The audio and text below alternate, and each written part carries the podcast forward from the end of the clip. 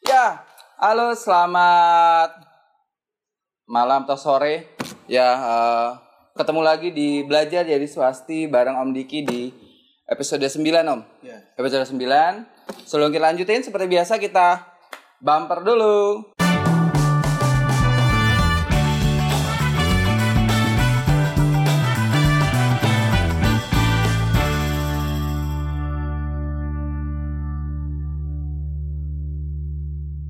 Oke, siap.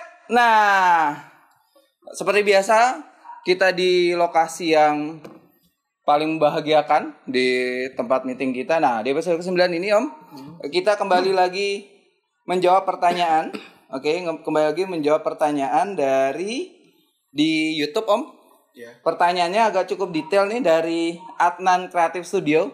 Halo Mas Adnan. Halo Mas Tata. Halo Mas Adnan, selamat malam. Oke, pertanyaannya cukup panjang. Kata dia, mantap banget ilmunya Om Diki, sangat menginspirasi. Kalau berkenan, saya di sini punya pertanyaan cukup detail Om. Jadi pertanyaan saya adalah, apakah yang dimaksud dengan inbreed? Oke, inbreed seperti apa? Apakah itu indukan dengan anakan? Hmm. atau anakan dengan anakan tetapi masih satu F atau satu generasi kelahiran Ya. Atau mungkin anakan dengan anakan yang masih satu indukan satu line misalnya anakan F1 kawin dengan anakan F2 Ya. atau mungkin juga ada pengertian lain Om yang dimaksud dengan inbreed itu. Hmm. Kemudian adalah karena saya masih belum paham dengan istilah-istilah inbreed, crossbreed dan sebagainya. Ya. Dan apa penyebabnya jikalau kita melakukan dari masing-masing istilah itu Om?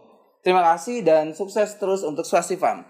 Jadi pertanyaannya banyak banget nih. Ya, tahu, aku tahu dan. Ah, tahu tahu oke. Inbreed, Jadi ya. inbreed. Pertama inbreed. Ya, Pengertian inbreed itu apa Om? semua yang disebutkan itu semua inbreed semua. Oh. Inbreed. Jadi definisi dia udah benar nih. Udah. Definisi dia benar.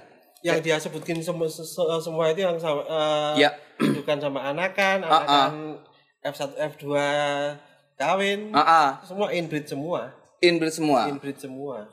Oke, jadi apa yang di, jadi F1 jadi, jadi satu generasi kelahiran atau kemudian dalam satu line itu, sem- inbreed. Inbreed semua. Inbreed semua. Iya. Oke, dia nanya lagi nih. Kalau crossbreed itu itu apa, Om? Nah, kalau crossbreed Ya. ya Ya. ada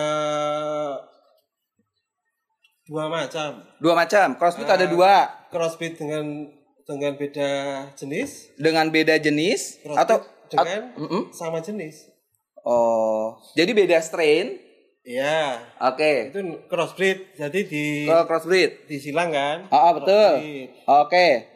atau crossbreed dengan beda line Beda line. beda line itu juga masuk termasuk crossbreed tapi masih dalam satu Strain. strain Oke. Jadi crossbreed itu fungsinya juga yang kemarin di episode awal tuh Om. Ya, udah Jadi untuk kan. meningkatkan kualitas Ya. dengan di kita crossbreed dengan uh, line yang agak cukup jauh gitu ya. Ya. Untuk meningkatkan untuk menjaga kualitas. Betul. Kemudian satu lagi crossbreed yang konteksnya adalah beda strain. ya Harapannya adalah kita ketemu dengan strain yang baru nih kan gitu ya. betul. Oke, kemarin kita sudah sempat bahas Happy People tentang bagaimana kemudian crossbreed, penyirang, penyilangan dan sebagainya. Kalau misalnya tertinggal bisa dilihat di belajar dari swasti di episode sebelumnya. Itu detail banget kita bahas di sana. Bahkan kita kasih. Oh, bahkan kita kasih eh, simulasi gitu Om ya. Ya. Antara strain yang satu dengan strain yang lainnya. Oke. Jadi kalau Ya. istilah inbreed itu ya sem- sem- semua yang dikatakan Mas Adnan tadi semuanya inbreed, Oh, semua inbreed. masuk inbreed. Oh, oke. Cuma inbreed itu Ya. sebenarnya sih nggak ada salahnya. Tapi Oh, oke. Dengan pemilihan seleksi yang benar-benar bagus.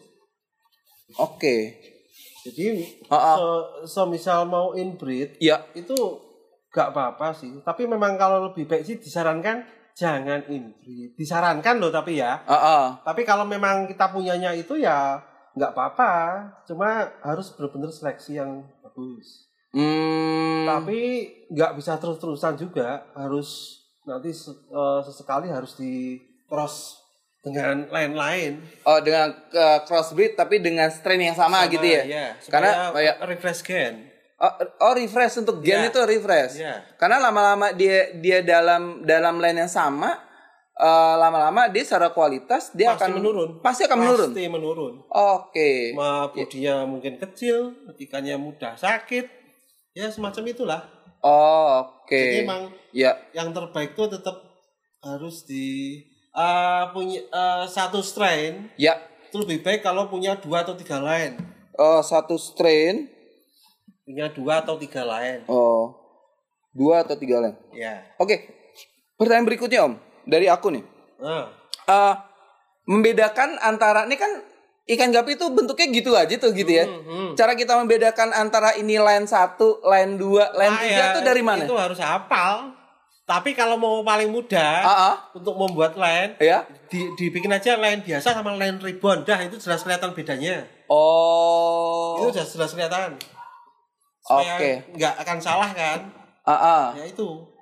Itu jelas kelihatan bedanya. Tapi kalau enggak ya harus hafal. Harus di tiap beranak dikasih tanda. Oh, misalkan nih, misalkan Happy People nih coba untuk ngebreed gitu ya, coba untuk ngebreed eh, terus kemudian mereka caranya mereka untuk mendapatkan mereka nggak tahu nih cara menda- mendapatkan eh, ini line yang satu, ini line yang dua, ini line yang tiga. Itu kita beli dari tempat yang berbeda-beda kah atau seperti apa, Om? Atau kalau mau mudah, Ya. misal itu kan kalau beli jantan aja lebih murah. Ah, Nah, kita beli jantanan aja dari luar. dengan dengan penjual yang beda-beda misalkan. Ya, tapi kita kira-kira tahu lah itu ikannya lainnya eh, beda dengan tempat tempat kita. Atau Oh. bisa Ya. dengan crossbreed dengan jenis lain Mm-mm. yang kira-kira hampir mendekatin sama. Misal Ya. metal redless sama redless Meta red list. dengan redless. Oh. Itu kita ter- cuma tergantung jantannya aja kita mau pakai yang mana. Eh, Misal jantan redless kawin dengan betina metal redless, anaknya keluarnya redless.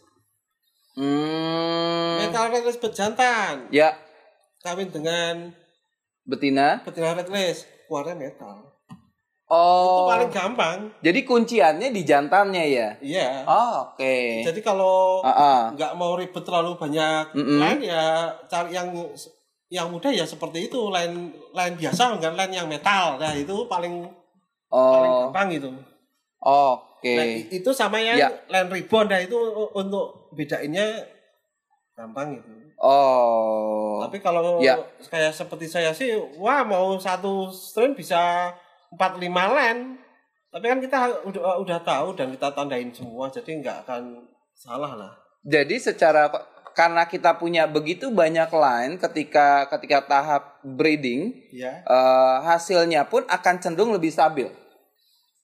Lebih baik maksudnya lebih gitu. baik lebih baik Lebih baik gitu ya, Lebih lebih baik. Kenapa? Kalau masalah Ya. stabilnya sih ya, Ya. bisa stabil bisa enggak juga. Oke. Kalau kita pak pakainya kira-kira line line-nya yang Hmm. uh, beda line tapi strainnya sama, kira-kira kita tahu itu memang udah ikannya benar-benar stabil ya harusnya tetap stabil. Oh, tetap stabil ya. Harusnya tetap stabil. Oke. Itu kenapa? Ya. Ikan di kontes, Mm-mm. terutama yang dari luar, Ya. sering kejadian. Dibeli anaknya berantakan. Itu sering banget, Om. Sering sekali. orang udah udah udah udah udah ikan dari luar nih gitu kan Ya. terus kemudian mereka nafsu mau beli gitu Ya. loh terus dibeli terus kemudian turunannya berantakan Ya, itu kenapa om Pertama, betinanya beda. oh Kedua, ya. itu ikan F1.